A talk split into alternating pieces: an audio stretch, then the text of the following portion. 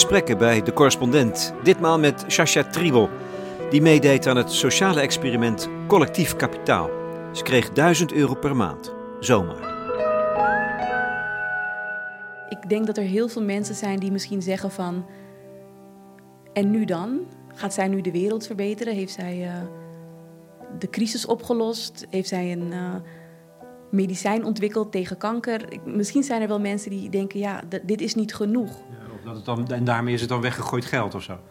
Ja, ik denk, ik vroeg ook um, aan de onderzoeksgroep, wanneer is dit voor jullie geslaagd? Vroeg ik bij de eerste meeting. En daar hadden ze geen antwoord op. Ze zeiden, we weten het eigenlijk niet wanneer het geslaagd is. Want dit is ook maar een experiment. En toen vroeg ze, wanneer is het voor jou geslaagd? Dus toen zei ik, nou voor mij is het al heel snel geslaagd. Heel duidelijk geslaagd. Als ik beter af ben, voor mijn gevoel, dan dat ik eraan begon. En zo ben ik er ook ingestapt. Ik dacht, oké, nou, ik ga het doen. Dan ga ik er ook vol in. En kijken wat het doet met mij. Ik heb niet de illusie dat ik nu uh, voor altijd beter af ben. Of dat er nooit meer slechte momenten zullen zijn. Dat zal je altijd houden. Maar als dit een moment is in mijn leven waar, waar ik echt iets van heb kunnen leren, dan is het voor mij geslaagd. En dat is zo.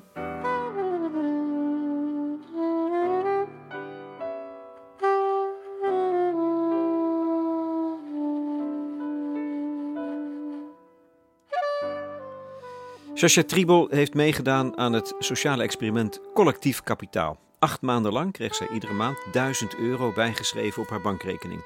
Zonder voorwaarden. Geschonken door vrijwilligers die ze niet kende. Het is een oefening in solidariteit. Drijvende kracht achter het initiatief is Denise Harleman, die ik er vorig jaar over interviewde. Haar groep wil nu verder. Er komt een nieuwe crowdfunding-campagne. Ze wil uitbreiden naar Rotterdam. En de intentie is om alle ervaring te transformeren tot kenniscentrum. Gespecialiseerd in bestaansonzekerheid en solidariteit. Maar ook in de psychologie van geven en ontvangen. Want het blijkt namelijk veel meer dan een simpele financiële transactie. Het werpt nieuw licht op de functie van vertrouwen, waardigheid, vervreemding en hereigening. Om al die redenen was ik razend benieuwd naar het verhaal van Shasha. Haar twee dochters zitten met popcorn in hun kamer naar een film te kijken. Op tafel ligt een boek uit de Biep, Bloed in de rivier. Het onbekende verhaal van de massale slavenopstand in de Nederlandse kolonie. Uh, dat ben jij nu aan het lezen, Sasha? Ja, ik uh, studeer geschiedenis en um, voor een vak moet ik een paper schrijven. En dat gaat dus over een opstand in, um, ja, in, de koloniale, in het koloniale verleden. Dus in uh, Bernice is dit. Dus daarvoor moet ik het lezen. En, en wat maak je uit dit boek op? Wat haal je uit dit boek? Ik ben nog niet heel ver. Ik denk niet dat mijn leraar dat fijn vindt om te horen. Maar um, ja, ik denk toch wel... Wat ik eruit ophaal is dat mensen altijd wel in opstand komen. Ook al is het misschien, lijkt het misschien uitzichtloos. Dat we dat altijd wel gedaan hebben als, als, als mensen. Ja, ja. Het is een soort van hoopgevend ook. Ja en nee. Ja, omdat het is wel inderdaad een, uh, een hoopvolle situatie. Maar aan de andere kant vraag je je ook af: leren wij wel iets als mensen? Want ja, ik, nou ja hoe ik studi uh, geschiedenis studeer, dan zie je ook wel gewoon... we blijven dezelfde fouten maken eigenlijk. En we lijken er niet uit te leren. Ja, dat is dan weer heel weinig opgevend, hè? ja, toch, nou, toch weer wel, vind ik. Want ook al zit je diep, het komt ook wel weer goed. Dat haal ik er ook weer uit. En is dat ook iets waar jij mee leeft, met, dat, met dat leven, die levenshouding? Ja, ik ben ook um, heel ziek geweest. En toen ben ik bijna dood gegaan. Uh, in 2020 had ik een hersenvlies slash hersenontsteking. Toen ben ik ook drie dagen buiten bewustzijn geweest. En uh, sindsdien eigenlijk wil ik gewoon leven. Ja, dat is gewoon, ik wil leven.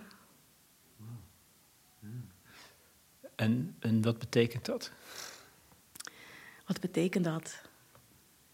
Uh, ja, ik denk echt ontdekken wat ik wil, wat belangrijk is voor mij en ook wat ik wil geven aan de wereld. Ik heb daarna wel heel veel dingen omgegooid uh, nadat het is gebeurd. Het heeft echt heel veel impact gehad op mij. En uh, ja, ben ik gewoon dieper gaan stilstaan bij, bij wie ik ben. En dat, dat houdt ook in dat je de wereld iets wilt geven, begrijp ik. En wat is dat? Ik denk dat het voor mij belangrijk is, ook doordat ik mee heb gedaan aan dit collectief, dat ik zie dat het gewoon belangrijk is om misschien niet de hele wereld te willen veranderen, dat dat misschien niet realistisch is. Maar als jij het leven kan raken van één persoon of een paar personen die gewoon die je kan zien en voelen en, en zien wat voor impact het heeft, dat dat al heel veel teweeg kan brengen. Dat dat als een soort van domino-steen gaat lopen, waardoor je misschien toch wel de wereld verandert. Maar gewoon één persoon tegelijk of een paar personen tegelijk. Oos, die, eh, die, wat was het, hersenvliesontsteking? Hoe, hoe, hoe, krijg je dat? Hoe kreeg jij dat? Is daar een reden voor? Ja, geen idee. Uh, ik ben op heel veel getest. Op allemaal virussen, bacteriën. Dat bleek allemaal negatief. Um, dus eigenlijk tot de dag van vandaag weten ze niet wat er is gebeurd daar. En um, ja, vette pech eigenlijk. Dat is, dat is de medische diagnose. Ja. Levert je dat ook angst op? Um, ja, ik heb dat wel gehad en nu nog steeds af en toe als ik uh, ziek ben. Uh, en ik ook merk het ook bij de kinderen. Als ik dan even hoofdpijn heb, dan schrikken ze. Denken ze van, uh, oh, want zo begon het vorige keer ook. Dan denken ze dat ik weer ziek ben en naar het ziekenhuis moet. Dus ik heb, ik heb, een heel, ja, ik heb bijna een jaar gerevalideerd. En toen heb ik ja, daar echt wel van moeten herstellen. en dat, dat was heel moeilijk. Want toen heb ik heel veel preconcepties die ik had over mezelf los moeten laten. Um, ik vond mezelf bijvoorbeeld veel minder waard opeens, omdat ik gewoon heel veel dingen niet meer kon. Ik kon niet meer iedereen helpen met dit of dat. Ik kon niet meer gewoon uh, en naar een feestje en nog dit doen en nog werken. En dat ging allemaal niet. Ik moest gewoon echt keuzes maken. En ik had echt het idee dat ik gewoon niets of heel weinig kon bijdragen. Dus dat gaf mij gewoon zo'n slecht gevoel ook nog eens. Ook al voelde ik me dus ziek, maar dan gewoon dubbel op eigenlijk. Alsof je jezelf straft, hè? Ja, maar ik heb... Voor, iets, voor iets waar je helemaal niet verantwoordelijk voor bent. Ja, inderdaad, dat is heel raar. Maar ik hoor het ook van veel mensen bijvoorbeeld die uh, een burn-out hebben gehad... dat dat gevoel gewoon heel erg gaat leven in jou. Jij bent er heel erg mee bezig, maar je omgeving inderdaad helemaal niet. Die kijken helemaal niet zo neer op jou. Maar het is echt iets wat, je, wat, wat toch intrinsiek gewoon ja, gewoon, gewoon aan je gaat wringen. En, en dat heb ik echt los moeten laten. Omdat ik, ja, het was gewoon een vicieuze cirkel. Ik moest juist rusten om beter te worden. Maar ik haalde juist validatie uit nuttig zijn voor een ander. Dus, ja. Dan zit je in de val. Ja, precies. Dan zit je heel goed in de val, ja. ja. En, en hoe ver ben je nu, voordat we het praten over collectief kapitaal en wat dat gedaan heeft en waarom je, wat dat voor jou betekend heeft en wat je ervaring heeft. Maar waar, hoe, hoe, hoe, ben je, hoe sta je nu in dat proces? Ja, ik ben veel rustiger nu, moet ik zeggen. Ik ben ook, ik voel me fysiek ook gewoon fitter. Ik um, heb geen medicijnen meer. Ik uh, heb de revalidatie afgerond. En ik ga altijd wel gewoon moeten opletten dat ik niet te veel doe, omdat ik anders een terugval krijg. Dat merk ik wel af en toe. Uh, dat ik dan concentratieproblemen krijg of toch weer uh, last van nekpijn. Um, maar ik heb dat ook wel geaccepteerd. Ik denk dat het ook niet per se iets slechts is. Dat, daar ben ik nu in het proces, denk ik. Dat ik ook wel door heb, het is niet per se slecht om op jezelf te letten. Dat je niet te veel gaat doen. Goh. Komt even binnen, hè? Ja, het komt even binnen, ja. In, want hoe, oud was je toen je die hersenvliesontsteking kreeg? 29. Ja, ik was ook de jongste op de neurologieafdeling. Ja. En aus blauwe hinein, zomaar word je getroffen door iets wat je totaal niet in de hand hebt. Ja, dat is ook echt. Het, het klinkt misschien dom, maar ik denk dat je er niet bij stilstaat dat de dood niet aanklopt en zegt: uh, morgen gaat het gebeuren of je hebt nog een week. Het is gewoon paf, like that. Want het was ook in de kerstvakantie. Dus een paar dagen later was het kerst. Nou ja, alle kerstplannen, alle kerstcadeautjes, dat valt allemaal in het water. Dat, dat ziekte of, of ja, dat wacht niet van, oh nou even na de kerst. Dus dat, dat gebeurt gewoon. En daarom sta ik er ook zo in van je moet nu leven en nu dingen doen die je leuk vindt. En waarom wachten?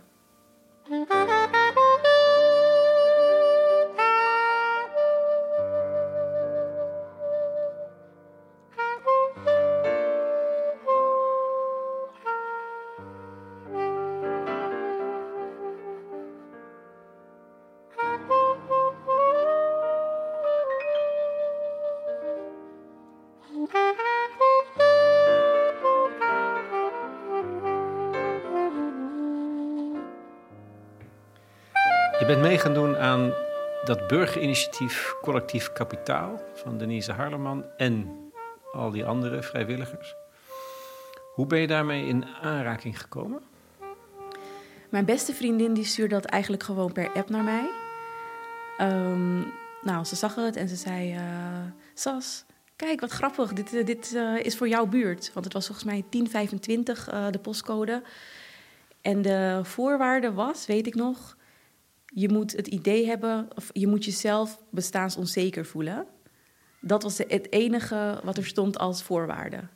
Nou ja, en ik kwam uit een storm natuurlijk, eh, toen ik het zag. En toen dacht ik, nou, ik geef me gewoon op. Maar verder ook niet meer over nagedacht. Ik dacht, dat, dat, dat word ik nooit. Dat, ik word nooit uitgekozen. Ik win ook nooit ergens mee. Of, En, en dit voelde wel als iets, ik weet niet wat de belofte was, hè, hoe het precies geformuleerd was, want er is wel over nagedacht. Een flyer, of nou ja, je kreeg het dan van een vriendin. ja, ik verwachtte er gewoon niks bij. Ik was ook, eh, nou ja, ik wil niet zeggen wantrouwig, maar je denkt dat kan nooit. Dat kan nooit eh, zo zijn. Dat zij jou opeens zonder voorwaarden of belofte of iets gaan helpen met, met, met een bedrag. Nee, dat kan niet. Waar zijn de kleine lettertjes, dacht ik. Dit moeten, dit moeten bedriegers zijn. Ja, of gekken. ja, of ja, ik weet, ik weet eigenlijk. Ik heb er niet over nagedacht, omdat ik dacht dat ik het toch niet zou worden. Pas toen ik werd gebeld door Denise, dacht ik... eh, oh, maar wacht even. Waar doe ik eigenlijk aan mee?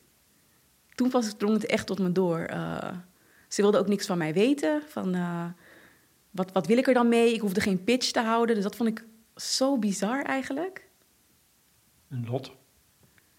Ja, ja en nee. Dat dacht ik eerst. En toen ging ik heel erg nadenken van... oh, wil ik dit wel? Eh, wordt het heel ongemakkelijk voor mij? Het is, het is heel moeilijk ook om te ontvangen, hè? Om, en zonder iets, zeg maar, daarvoor terug te geven. Want nu moet jij iets ontvangen. En, en dan, eigenlijk. Dus ik begon helemaal te twijfelen. Ik dacht, nee, dit, eh, ik moet me eigenlijk... eh, ik, ik wil dit niet meer. Ik eh, kreeg een soort van paniek even. Van, ik, ik denk dat ik dit niet moet doen. Typerend is dit, hè? Ja, toch wel? Gelukkig. Ja, oh. ja, ja, nee, dat, denk, nee maar dat, dat, is, dat zou je niet verwachten. Hè? Als, als, als mensen denken, nou, bereid zijn om, om andere mensen uit de stad te helpen. Nou, dan ben je blij. Nee, maar dat zo eenvoudig is het gewoon helemaal niet. Nee, ik denk dat het veel makkelijker is om te geven en jou daar dan goed over te voelen dan om te ontvangen. Want ja, daar hebben we het ook heel veel over gehad, over de bepaalde machtspositie die er toch ontstaat tussen gever en ontvanger. En ik wilde niet mij onwaardig voelen of in een lagere positie eh, bevinden. Ja, dan, dan eigenlijk eh, dan dat ik mezelf zie. Terwijl je dat bijna automatisch wordt. Maar hoe heb je dat dan geattaqueerd? Nou, ik wil niet zeggen dat je dat automatisch wordt. Dat dacht ik. Uh, maar het proces is zo gegaan dat het echt een gezamenlijk project is geworden. Ik dacht aanvankelijk ook dat het zo zou gaan. Want als jij bijvoorbeeld een, um, een toeslag krijgt of een uitkering, dan staat er altijd, dan moet jij een tegenprestatie leveren. Je moet verantwoorden. Waarom? Er wordt eigenlijk met wantrouwen een beetje naar jou gekeken. Van doe je daar wel iets goeds mee? Heb je er wel recht op? Um, en Denise uh, was ook mijn buddy in dit uh, traject. We hebben hele open gesprekken gehad over... Ja, wat, wat, hoe voel ik mij veilig?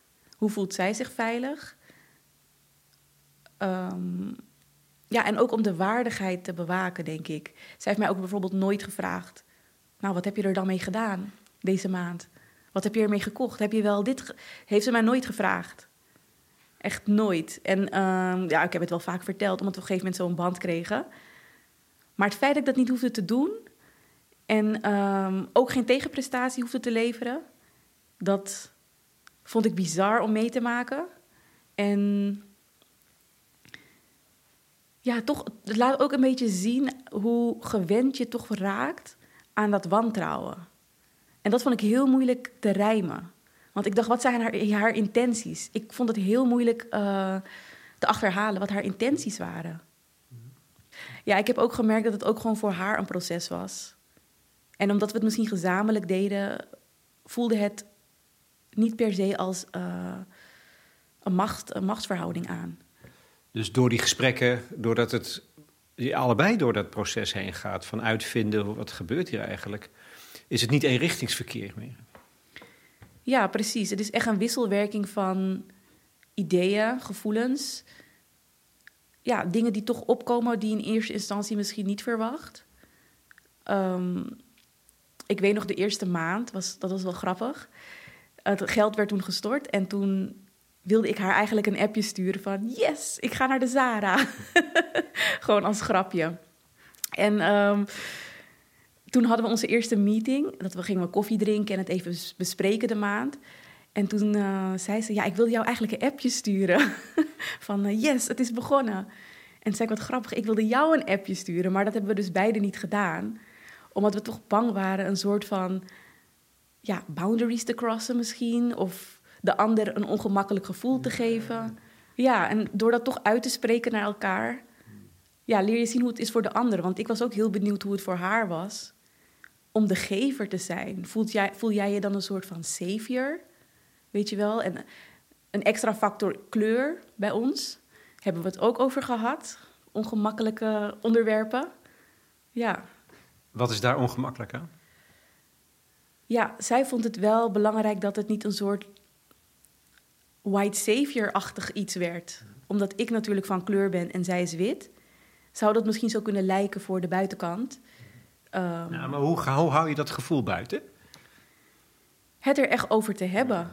Het er echt over te hebben en het ook ongegeneerd. Dat ik ook aan haar kan zeggen van... Ik zou het wel ehm, opengooien. Er niet over praten maakt het groter dan het is. Want iedereen ziet het. Maar als niemand het erover heeft, dan wordt het zo'n... eh, wat je wel eens hebt in families, weet je wel. iedereen weet er wat aan de hand is, maar we hebben het er niet over. ja. Dat is ook wonderlijk, hè? Want jij, bent ook, jij hebt ook maar gewoon toevallig die, die donkere huidskleur. Ja, ja dat, dat, dat denk ik. ja, het is niet zo. eh, het is natuurlijk per loting gegaan. Dus ja, dat is gewoon zo. eh zij heeft mij niet uitgekozen wat dat betreft.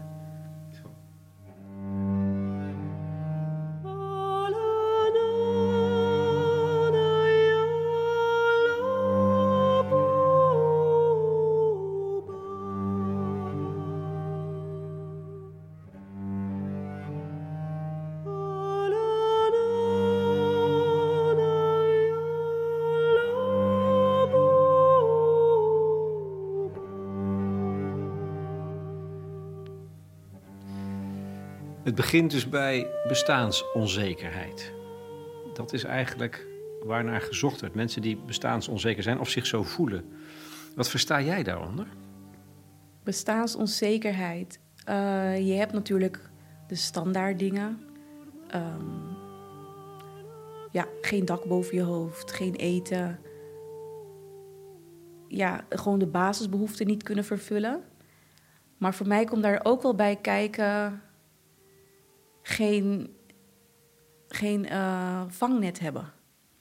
Als je het even niet trekt of het gaat niet en je weet niet waar je terecht kan... dat je het gewoon even niet meer weet. Dat is voor mij bestaansonzekerheid. En dan niet weten welke richting je op moet.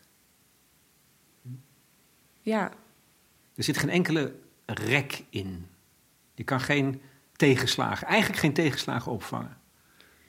Nou dat idee had ik ehm, toen ik mij opgaf hiervoor, zeg maar in die periode. Eh, want ik had wel ja, een hele zware tijd achter de rug natuurlijk. dit heeft me dan toch wel weer vertrouwen, denk ik, gegeven. Dat er ergens wel voor je gezorgd wordt. Ehm, ook al is het in de vorm van een vreemde. Dat een vreemde jou kan helpen om jou net dat stapje omhoog te geven. Dat geeft mij vertrouwen in de mensheid. Ja. Want zij had helemaal geen reden om dit te doen. Er was ook geen reden dat dit op mijn pad moest komen eigenlijk. En dat er toch dan iets is wat dan net die speel geeft omhoog. Soms heb je gewoon, denk ik, even een trapje omhoog nodig en dan, dan loopt het vanzelf wel. Dus dat zou je al één resultaat kunnen noemen van zo'n experiment met collectief kapitaal. Dat jij dat, dat vertrouwen krijgt of daarin bevestigd wordt. Ja, ja zeker. Gewoon, het, ik denk dat, je, dat het al heel veel met jou doet als mens. Dat er iemand is die met jou mee wil denken, die jou gaat helpen, die jou niet ziet als een gefaald persoon of als mislukking. Dat doet al zoveel met je, met je eigen gemoedtoestand al. Ehm, want, want is dat iets wat wel op de loer lag? Ja, ik heb ook wel in het verleden met depressie um, gestroggeld. En dan bij mij uit het zich zo dat ik dan in een negatieve spiraal raak. En dan kwam ik er altijd wel weer uit door iets positiefs uh, mee te maken. En dan gaat het weer langzaam omhoog, de spiraal. Maar ik kreeg zoveel shit uh, vorig, jaar, ja, vorig jaar. En, um... Want ik neem aan dat als je, als je, je bent uitgeschakeld met, zo, met zo'n ziekte, je moest revalideren. Je hebt twee dochtertjes. Die lopen hier, die zijn nu eventjes met popcorn in een uh, slaapkamertje. Uh, nou ja, uh, op zichzelf. En je studeert. En je hebt hier een huis. Dus hoe ging dat dan? Ja, ik heb dus. Um, ik had, uh, omdat ik ging studeren weer, had ik een bijbaan genomen in de coronateststraat. Um, en dat had ik echt gedaan omdat ik voor mezelf had gekozen. Want ik ging er wel op achteruit financieel, maar het was het wel waard voor mij. En nou ja, toen ik dus ziek werd, nou ja, 70 procent uh, van niet veel is, is bijna niks. Dus toen kon ik ook niet, eh, zeg maar, ik kon, ik kon niet echt een uitweg zien. Van, oh, wanneer wordt het dan beter? Want dat geeft nog meer druk op de ziekte. Want je moet... Dan heb je het over de financiële situatie waar je dan terecht komt. Dat je gewoon, want hoeveel, kan je dat, wil je dat zeggen? Hoeveel geld je dan had? Dan Nou, ik had niks over in de maand. Ik had, ja, wat is het? Ik denk echt ik moest het doen met, nou, misschien 1100 euro. Minder, denk ik zelfs. Ja, ja. En het duurde ook heel lang voordat het was geregeld met UWV. Ik kreeg ook geen toeslagen, dat duurde ook heel lang om te regelen. Dus toen zijn er ook gewoon schulden op een gegeven moment ontstaan. Wat ik dan langzaam kon afbetalen, want uh, ik zat nog steeds in die ziektewet natuurlijk. En um, ja, van de artsen krijg je te horen: je moet het rustig aandoen, mevrouw. Maar de huur moet wel betaald worden, denk ik dan. Dus ik begrijp het vanuit medisch perspectief. Um, maar dat was niet realistisch. Het was niet haalbaar. Ja, dus ik, ik voelde heel veel druk om die financiële situatie in, op orde te krijgen. Je voelt je een mislukking, omdat je niet kan bieden wat je wilt aan je kinderen. En ik vond gewoon dat ik dat wel moest kunnen. En dat ik eigenlijk geen hulp nodig had. Dat, dat vond ik. Is dat, is dat iets wat je van je ouders hebt meegekregen? Um, nou, niet zozeer meegekregen, denk ik. Ik heb thuis ook altijd geholpen, namelijk. Ik denk dat ik heel vroeg al volwassen was. En mijn moeder was alleenstaande moeder. En als tiener ging ik al meebetalen aan van alles. Dan had ik mijn bijbaantje bij de Albert Heijn, weet je wel. En dan kocht ik uh, nieuwe eerste uh, schooldagkleren voor mijn zusje. En ik betaalde het internet. En van 300 euro in de, in de maand, weet je wel. Van mijn Albert Heijn salarisje. Dus ik heb altijd wel die verantwoordelijkheid gehad. Om gewoon, ja, mijn dingen te regelen. Ja, maar zelf moest je het wel op eigen houtje allemaal doen. Ja, dat heb ik altijd eigenlijk gedaan. Ja. ja. En ik heb ook nu pas als volwassene ingezien hoe zwaar dat eigenlijk is. En dat misschien ook niet de bedoeling is dat jij als mens dat doet. En dat het niet zwak is om wel hulp te vragen. En dat is raar, want voor anderen vind ik het helemaal niet zwak. Als iemand mij om hulp vraagt, vind ik dat niet zwak van diegene. Maar wel van mezelf, blijkbaar. Dus achter zulke dingen ben ik gekomen allemaal. En uh, dat was ook wel confronterend hoor, om te merken. Ja, terwijl je notabene wel ingestapt bent op, op deze schenking eigenlijk, op, op een hulp, ja, waar niet eens eigenlijk een gezicht achter zag, zat. Ja, dat vind ik dus ook heel apart. Het is not like me at all. um, ja, misschien omdat ik dacht dat het toch niet zou worden. Ja, dat... Of, of was je wanhopig? Dat kan ook, hè? Dat je gewoon de moed... Nou, dat sowieso. Waarschijnlijk was ik al zo apathisch dat ik dacht, nou, ik schrijf me in en uh, ik zie wel. Ja. Ja. Want eigenlijk zat je, als ik het goed begrijp, mentaal was je herstellende, dus kwetsbaar, maar financieel had je niks meer over eigenlijk. Dan zat je, zou je kunnen zeggen, je zat aan de grond. Ja, het draaide nog wel, maar... Ja, ik heb ook, um, ik was ook begonnen gewoon weer aan werken. Ik moest wel. En ja, toen ik, um, ja, de neuroloog vond het niet leuk, maar ja, ik moest wel, ja. En toen ik um, meedeed aan collectief, toen ben ik minder gaan werken.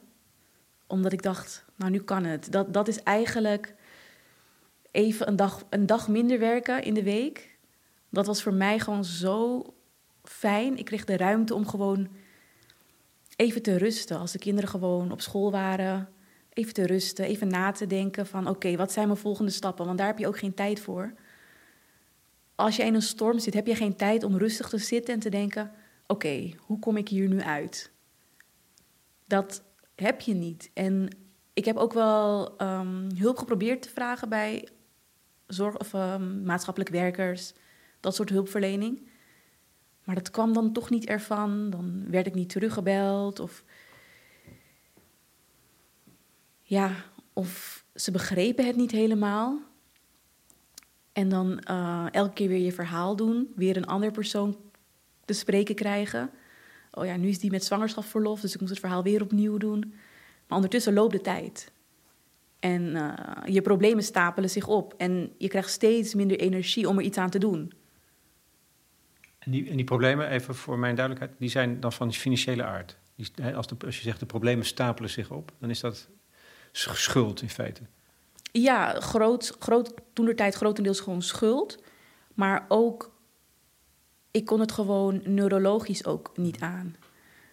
Um, want ik had, nou ja, je moet begrijpen, ik had uh, heel erg concentratieproblemen. Ik vond heel moeilijk dingen te plannen.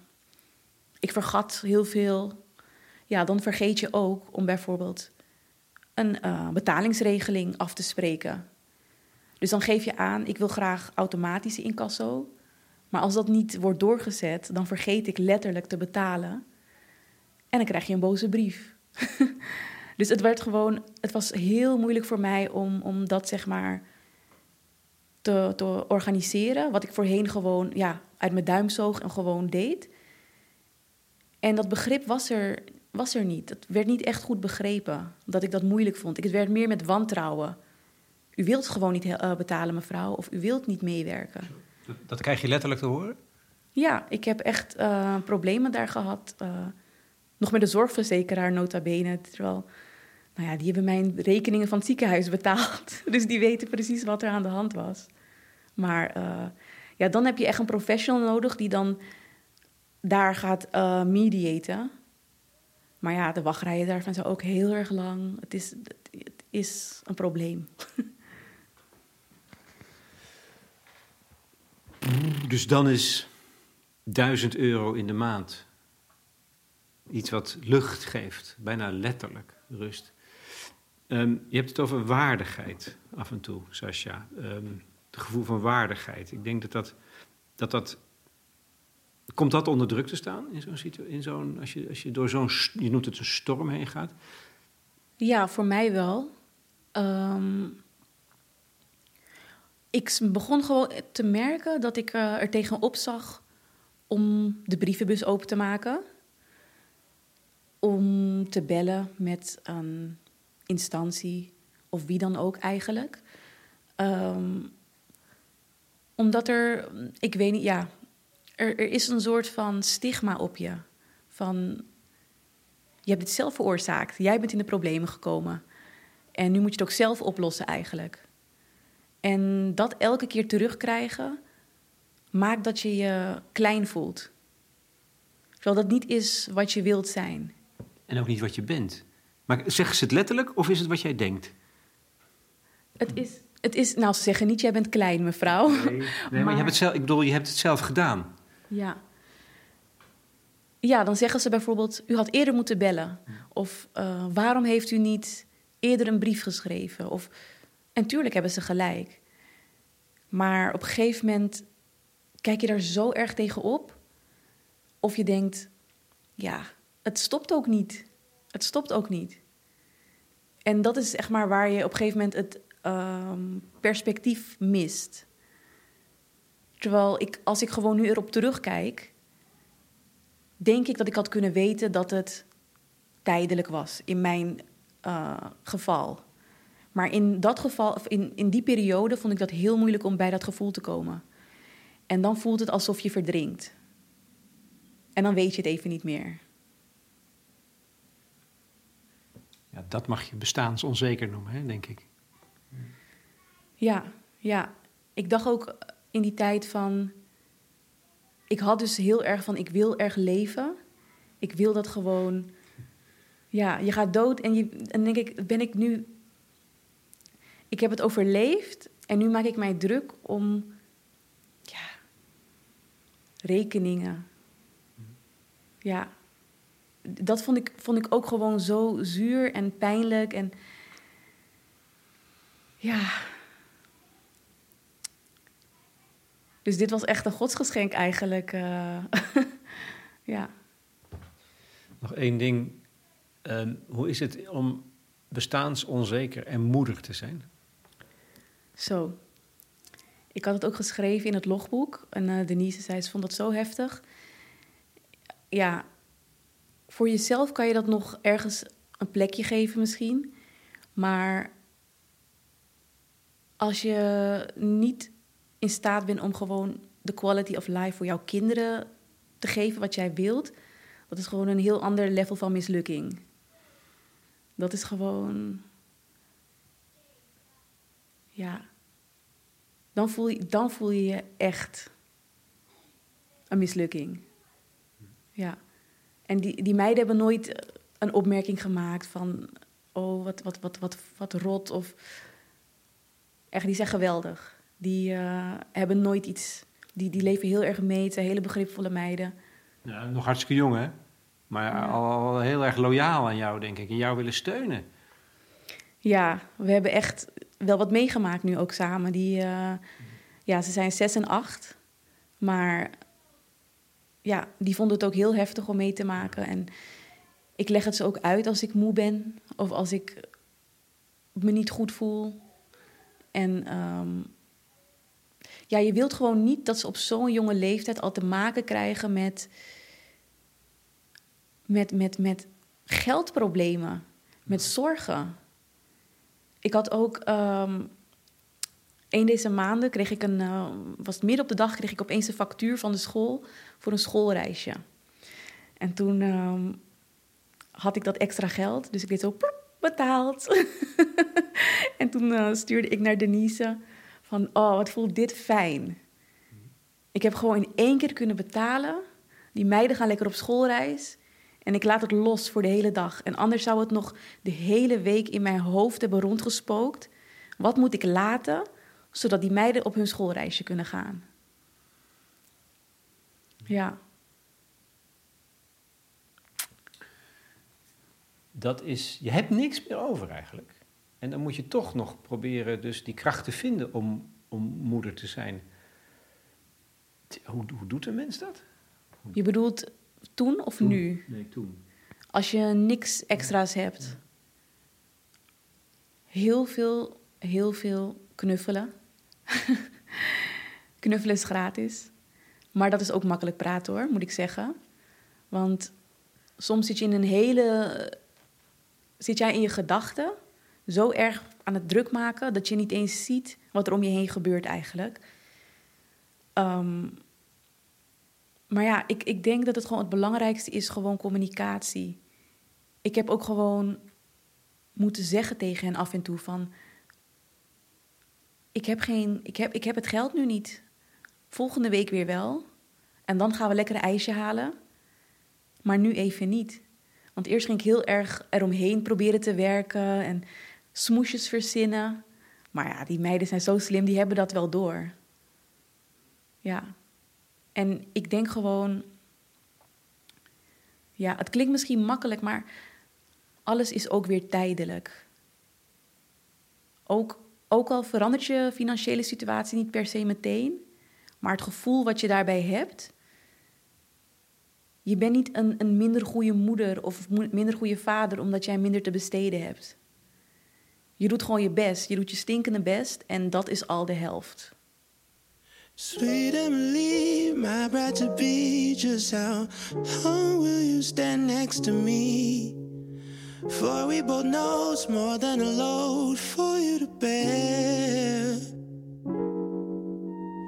It break my heart, but I understand if you'd leave me for another man with a little less on his mind, less on his plate, less in his brain. Ik vind het een behoorlijk aangrijpend verhaal, Sascha. Ja, dat hoor ik van heel veel mensen, maar ik ervaar het niet per se zo omdat het gewoon mijn leven is. Dus dan alles wendt, denk ik. Ja. En je maakt ook nog een vrolijke indruk. Ik bedoel, ja, nu is het, is, het, is dus een klein beetje veranderd ook. Ja, ja ik, ben, ik, ben, ik ben een heel gelukkig mens. Ik heb heel veel positieve dingen in mijn leven. En ja, ik, uh, ik, uh, heel veel mensen hebben mij gevraagd van... was je niet bang als er dan het project is nu afgelopen val je dan niet in een gat? Want dan mis je opeens 1000 euro. Na acht maanden? Na acht maanden, ja. En um, nou, vooralsnog uh, ben ik niet in een gat gevallen. Ik ben er nog. Ik ben er financieel ook vooruit op, op gegaan. Omdat ik heb gesolliciteerd naar een betere baan. Omdat ik het vertrouwen had om dat te doen. Ik had... Ik werkte dus in de coronateststraat. En um, ik vond het eigenlijk helemaal niet meer leuk. Het was ook geen goede omgeving voor mij, uh, neurologisch gezien. Het was heel stressvol. En toen zag ik een vacature bij de Biep. En nou, dat is altijd al een plek geweest waar ik gewoon gelukkig ben. Ik uh, lees heel veel, ook als kind. Als kind was ik gewoon dat uh, eenzame kind die dan in naar de Biep ging, uren daar bleef. En dan... mijn moeder dacht, hé, waar is ze nou? En dan was ik uren in die Biep. En uh, toen zag ik die vacature en toen dacht ik, ja, ik ga er gewoon op solliciteren. En ook al ga ik er wel wat op achteruit qua uurloon, maar ik kon dat, want ik had natuurlijk dat extra geld. En uh, nou, toen ben ik daar gaan werken en dat, uh, dat is geweldig, ja. Dus als je het dan hebt over wat is nou de waarde van 1000 euro, hè, die je gewoon maar krijgt zonder voorwaarden, dan zit hem dat in tijd in eerste instantie. Gewoon dat je hier even op die bank mag zitten en niks hoeft te doen. Maar, en daardoor ook de kracht gaan vinden om, om je leven nou, te veranderen en daarmee te verbeteren. Ja, zeker. Om gewoon uit te proberen. Nieuwe dingen uit te proberen. En het kan falen. En dat is ook oké, want je valt niet in een diep gat.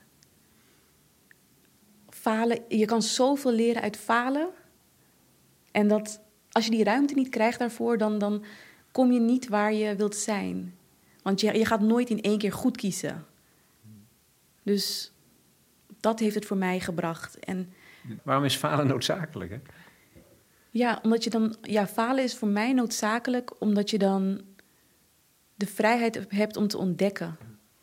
En je kan niet falen als jij twee kinderen hebt die afhankelijk zijn van jouw inkomen en jou, dat jij brood op de plank hebt. Dan ga jij niet falen. Dan ga jij niet uitproberen. Dus is er ook geen ruimte voor ontwikkeling? Nee, dan blijf je in die uh, cyclus, denk ik. Of tenminste, de kans is groot. Voor mij zou ik in die cyclus zijn gebleven. Nu heb ik iets voor mezelf kunnen doen. Een job die ik graag wilde doen. ehm, ik ben toen ook gaan solliciteren intern en nu heb ik een nog betere functie. Dus nu ga ik er financieel juist op vooruit. Dus waar ik eigenlijk een sprong in het diepe heb genomen toen, ben ik nu juist omhoog aan het gaan. En dat had ik niet kunnen doen als ik niet die sprong had kunnen nemen. En dat is denk ik wel de belangrijkste les. Dat je gewoon een sprong in het diepe kan nemen en kan kijken waar je terecht komt. En dat het heel mooi kan zijn. Me, I'm unstable.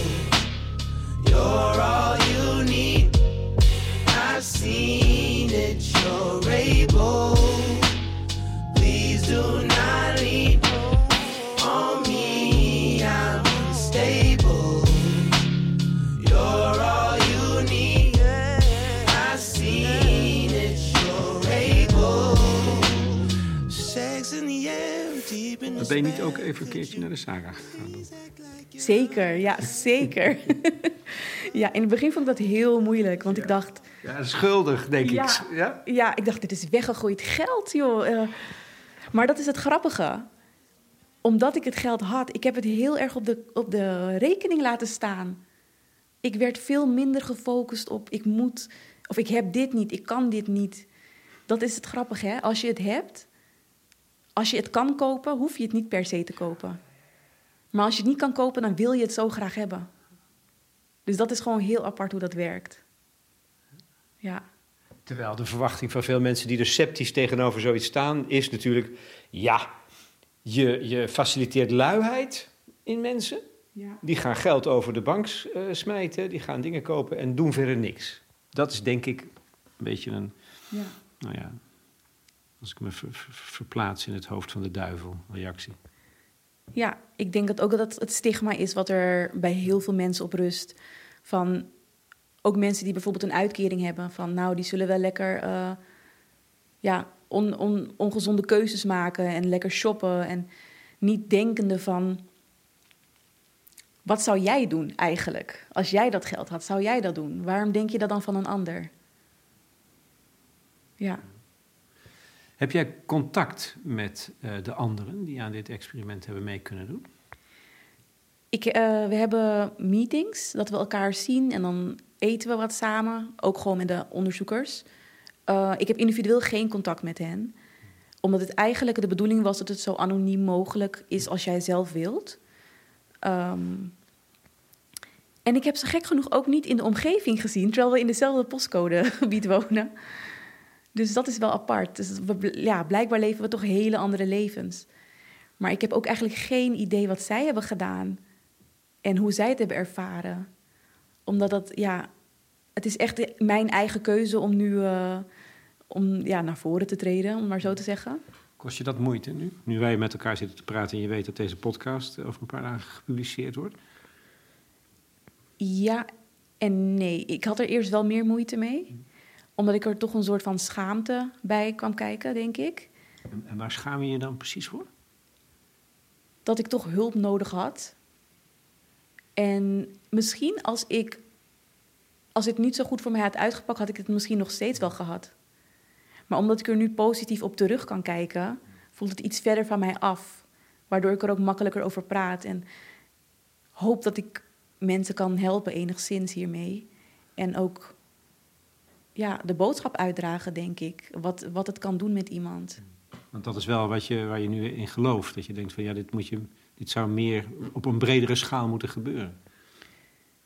Ja, ik denk dat het vooral belangrijk is dat het interpersoonlijke contact er is. Want gewoon mensen een zak geld geven en ja, doe maar. Dat kan helpen. Dat weet ik niet, dat heb ik niet zo ervaren. Maar ik vond het ook heel fijn om met Denise te kunnen praten hierover. Ik hield een logboek bij waar ik vragen beantwoordde om ja, mijn gevoelens op een rijtje te zetten. En dan krijg je ook inzicht van wat zijn eigenlijk de dingen die mij tegenhouden. Of dingen die mij dwars zitten. Dus ik denk dat je het ook breder moet zien. Dat het een proces is waar je doorheen gaat. Ik weet dat die groep heeft nagedacht over ehm, eh, heel, hele grote discussies volgens mij. Hè? Die, die, die honderd uh, begunstigers, mensen die uh, dus ook bereid waren om in te stappen en te schenken, zou je kunnen zeggen. van, moet je het helemaal anoniem houden? Of moet je, juist, moet je het juist persoonlijk maken? Ja ik, ja. ik begrijp van jou dat jij voor het laatste eigenlijk een groot voorstander bent. Ja, ik kan het voor mezelf natuurlijk beantwoorden. Ik weet niet hoe de anderen het ook hebben beleefd. En um, ik had een keertje een gesprek met Denise hierover... van wat is nou het verschil met de overheid... die jou bijvoorbeeld geld geeft... en met zo'n project. En ik zei tegen haar... voor mij is het de overheid is een soort van instituut zonder gezicht. Die geeft jou geld, die kan het ook weer afpakken. Dat gevoel heb je. Het is je voelt je niet fijn bij die zak geld van de overheid. Um, omdat je dan uh, valt onder een soort van kwetsbare categorie. Van jij bent kwetsbaar, jij moet geholpen worden. En, en, en je bent de potentiële misdadiger, want we wantrouwen je daarbij ook nog eens. Precies, precies. Eigenlijk zou, zou, zou je dit niet moeten hebben. Hoezo wil jij dit? Ook al heb je er recht op volgens de wet. Maar ja, ja, je wordt een soort van crimineel. En als jij iemand hebt die dit samen met jou doet en samen het proces met jou aangaat, voor mij voelt het dan meer aan als wij helpen elkaar. Want ik heb haar ook geholpen met dingen. Ik heb haar ook inzichten gegeven. Dus die energieuitwisseling, zoals ik het noem, is gewoon zoveel meer waard eigenlijk dan gewoon maar geld. Want dat veronderstelt, ja, en Denise is natuurlijk wel speciaal, hè? Daar heb je wel een speciale aan, denk ik, toch? Ja, ik denk dat ik heel veel geluk heb gehad met haar. Ja. Vanaf het eerste moment dat ik haar sprak, hadden we zo'n klik. Dat was echt niet normaal. Ja. Maar ze heeft ook een onstuimige energie. En ze is hier zo bevlogen in. Ja, die anderen zullen dat ook hebben.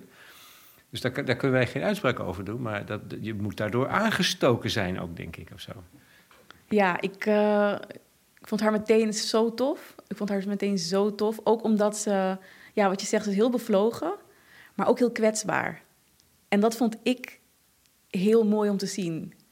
Dat je gewoon krachtig kan zijn in je kwetsbaarheid. Want zij durft gewoon te zeggen hoe zij zich voelt bij iets. Of dat iets haar raakt. En ik heb altijd met het idee geleefd dat je toch een soort van masker op moet zetten bij vreemden. Dat je niet je ware gezicht moet laten zien, want dan word je afgerekend op die zwakheid. Maar bij haar zag ik van, nee, jij raakt iemand en ik denk niemand die haar ooit ontmoet gaat haar ooit vergeten. Dat is zo, en dat zo wil ik ook zijn. Gewoon mezelf in al mijn, in al mijn kleuren, in al mijn vormen. Ja. En het geheim is dan dus, en dat is een beetje contra-intuïtief, denk ik, bij zo'n experiment. het is echt een experiment, dus, je, dus dit is fantastisch dat je juist dit soort dingen ook bespreekt. Wat gebeurt er bij de gever en bij de ontvanger? Maar contra-intuïtief volgens mij is dat er een relatie gaat ontstaan, zoals jullie het gaan hebben, van gelijkwaardigheid juist. Ja. dat die, eventueel dat, dat verschil in hiërarchie van, ja, ik heb wat, jij krijgt wat, dat dat verdwijnt. Ja, en dat zou je juist niet verwachten. Hè? Hoe meer contact jij krijgt, zou je denken dat het een soort van uh, charity case versus savior wordt. Ja. Maar dat viel juist op een gegeven moment helemaal weg. Maar het is omdat jullie zo'n goede verstandhouding hadden waarin alles op tafel kwam te liggen. Dus dan, dan gebeurt er ook wat met, in dit geval, Denise. En, en... Ja, ik denk vooral die eerlijkheid naar elkaar toe. Want zij heeft me ook wel eens iets gevraagd uh, om, om te doen. Of om, en, en daar heb ik gewoon nee op gezegd. Nee, dat wil ik niet. En dan stuurde zij mij een berichtje van... ik ben zo trots op je dat je nee zegt. En daarna kon zij zien dat ik mij ook gewoon vrij voel... om nee tegen haar te zeggen. Want je kan krijgen dat het een soort van overcompensatie wordt. Weet je wel, van jij helpt mij, dus ik, nu, moet, nu moet ik alles doen... om, om jou um, te faciliteren of, of te helpen of iets terug te doen. Maar dat was dus juist niet het geval. Uh, ja, echt specifiek was, werd dat ook benoemd van... er staat niks tegenover. Niks. Jij hoeft niks te doen om te compenseren. Nee. Maar er wordt wel gevraagd aan jou om mee te doen in het, in het hardop nadenken, toch? Over het experiment. Ik kan me ook voorstellen dat je zegt van ja, ah, dat, moeilijke vragen, dat wil ik helemaal niet. Ja, in het logboek werden inderdaad vragen gesteld. Um, maar wat voor vragen dan? Ja, dat ging voornamelijk over jezelf, die vragen. Van wat betekent vertrouwen voor jou, bijvoorbeeld? Of heb jij door het collectief een ander perspectief gekregen op waardigheid? Um, ja, er werd ook wel eens een politieke vraag gesteld, om maar zo te zeggen. Van, heb je het idee dat instanties uh, het goed doen? Nou, het werd niet zo lomp gesteld, maar dat was eigenlijk de vraag. En dan gaf ik gewoon mijn ervaring. Ik kan niet praten voor een groep mensen of... En dat wil ik ook helemaal niet um, over dit punt. En ik mag ook gewoon zeggen, ik weet er niet genoeg van om hier een goede uitspraak over te doen. Dus ja, ik weet niet hoe de anderen, ik weet echt niet hoe de anderen dat hebben gedaan. Dus ik weet niet hoe representatief mijn ervaring is voor de anderen. Nee, maar daar is de onderzoeksgroep voor om die data, zoals het dan heet, naar buiten te brengen. En daar kunnen we met z'n allen van leren, denk ik. Want waar kan de samenleving nou het meest van leren, denk jij? Als je eh, vanuit je eigen ervaring daarop reflecteert? Ik denk dat het duidelijk moet worden hoeveel geld een rol speelt in onze maatschappij. Want heel veel mensen denken, nou, geld maakt niet gelukkig, gewoon die open deuren. Maar geld zit er in zoveel dingen. Ik krijg dan bijvoorbeeld een uh, mail van de universiteit. Kom je naar een borrel, dan kunnen we lekker, kunnen jullie banden met elkaar. Maar daarin staat expliciet dat jij geld moet hebben. Of impliciet, uh, wordt niet expliciet gezegd, maar eigenlijk Jij komt naar de borrel, jij gaat een drankje kopen daar. Daar heb jij geld voor nodig. Heb je dat niet, dan ga jij niet naar de borrel. Want je gaat daar niet bedelen voor een drankje. Dus dan ga je niet. Maar dan kan jij dus niet banden met jouw medestudenten. Of ja, gewoon in kleine dingetjes. Het niet hebben leidt tot allerlei vormen van uitsluiting. Ja, echt een isolement kom je, denk ik. Uh, ook omdat als jij het niet hebt, op een gegeven moment ga, jij daar ook, ga je dan ook terugtrekken in bepaalde situaties. Je voelt je dan niet thuis. Omdat jij niet. Uh, jij kan bijvoorbeeld met een vriendin gaan lunchen. En die kan, kan dan betalen, jou trakteren. Maar het idee dat jij dan de volgende keer dat niet terug kan doen, weerhoudt mij dan ervan om überhaupt te gaan lunchen. Terwijl als, als, iemand gaat, als jij gaat lunchen met iemand en diegene zegt: joh, ik betaal het wel, maar jij weet dat jij het ook had kunnen betalen. Ja, dat, nou, dan voelt het heerlijk natuurlijk. Ja, betaal jij maar. dat is een hele andere ervaring dan het niet hebben. En ik denk dat er. dat het toch onderschat wordt. Hoe erg je in isolement kan raken. Van het niet hebben van geld. Ja, en dat dus geld, of je het nou wel of niet hebt, Ehm, omdat het zo'n grote rol speelt in de samenleving, omdat alles draait om geld, in feite ons, ons als gemeenschap aantast. de, dus, want zo is het ook begonnen als een, als een onderzoek naar solidariteit. Maar in feite tast dat solidariteit aan. Door onze visie op geld? Ja. Ja, ik ben bang van wel, helaas. Ja, ik denk wel dat het solidariteit aantast omdat die machtsrelatie gewoon niet losgelaten wordt. En soms wil, denkt iemand iemand te helpen, maar kijk niet naar je eigen intenties dan. Als jij. Ik had hier een discussie over met iemand. Er is dan iemand die op straat leeft. En die komt naar jou toe en die vraagt: Mag ik, uh, mag ik wat geld? Want, en die geeft dan een hele reden waarom die dat geld wilt. Voorheen had ik misschien zoiets gehad van. Nou, die gaat zeker wat ermee doen. Al helemaal bedacht voor diegene dat diegene daar iets slechts mee gaat doen. Dus ik denk, ongeacht wat diegene ermee doet, jij moet voor jezelf bepalen: wil jij dat geld geven of niet? Want wie ben jij om te beoordelen of dat een goede reden is of niet? En die vooringenomenheid, dat zit in iedereen. Dat zit ook in mij. Zelfs ook al heb ik geldproblemen gehad, zie dat nog steeds in mij. Dus dat gaat zo erg in de maatschappij zitten, denk ik, dat jij gewoon, dat jij denkt dat jij beter bent dan een ander. En dat je daarom denkt dat jij macht mag hebben over een ander. En dat stukje loslaten is heel moeilijk. Maar dan moet je dus echt naar jezelf kijken. En daarom werkt het niet om maar gewoon geld uit te delen. Je moet er ook echt ingaan. Want anders verandert er niet iets op groter niveau. En dan kan het kantelen naar vertrouwen.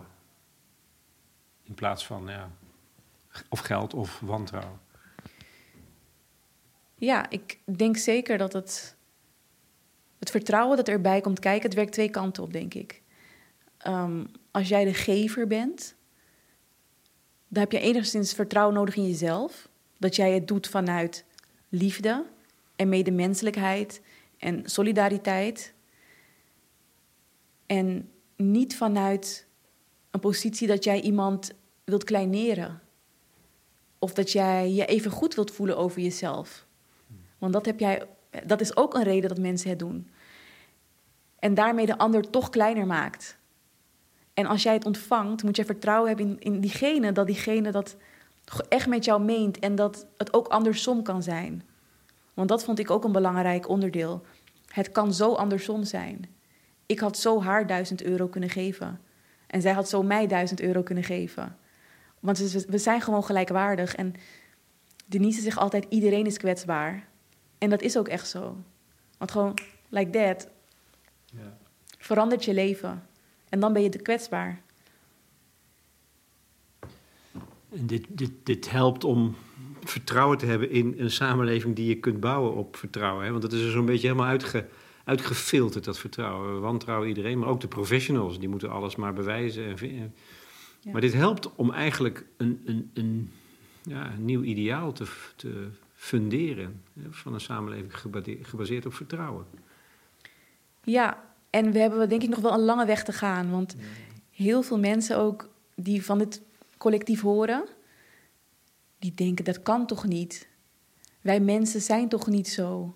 Er is best wel een negatief zelfbeeld, denk ik, over ons als mensen. Dat wij dat niet zouden kunnen of niet zouden willen. Maar eigenlijk de meeste mensen die ik ontmoet, dat zijn zulke lieve, warme mensen. Dus dan denk ik, wie zijn dan die mensen die elkaar bedriegen en de meeste mensen zijn, ja, de meeste mensen deugen. Dat is gewoon echt ook mijn ervaring.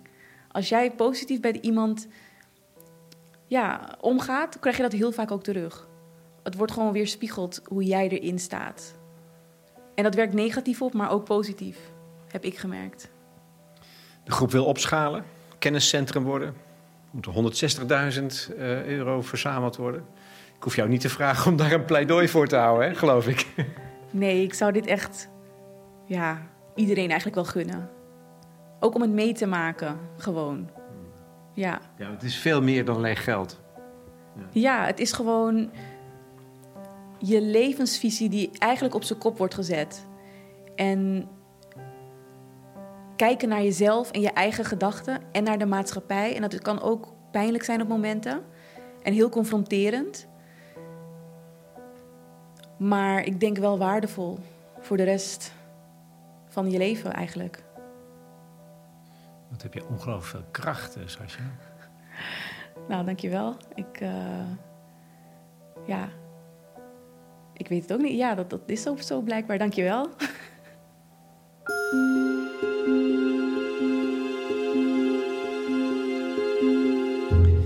Sascha Tribo, in gesprek met Lex Bolmeijer voor de correspondent over het sociaal experiment Collectief Kapitaal. Op 13 juni start een nieuwe crowdfundingscampagne waarbij hoog wordt ingezet. Het is de bedoeling om 160.000 euro in te zamelen. Daarmee zouden 10 mensen, Ada Sascha, een heel jaar lang geholpen kunnen worden. Belangstelling? Kijk op de website van collectiefkapitaal.nl. Wij kunnen er intussen op het platform van de correspondent over doorpraten. Wat vinden jullie van dit experiment en vooral van het verhaal van Sascha? Deze discussie is toegankelijk voor leden. En waarom dat lidmaatschap van belang is, daarover volgt zometeen nog een mededeling. De muziek tenslotte. Ik haalde twee spirituals uit de oude doos. Onder andere Nobody Knows the Troubles I've Seen door Archie Shepp en Horace Parlan. En een liedje van de, een van de favoriete zangers van Sasha, Daniel Caesar. Please do not lean.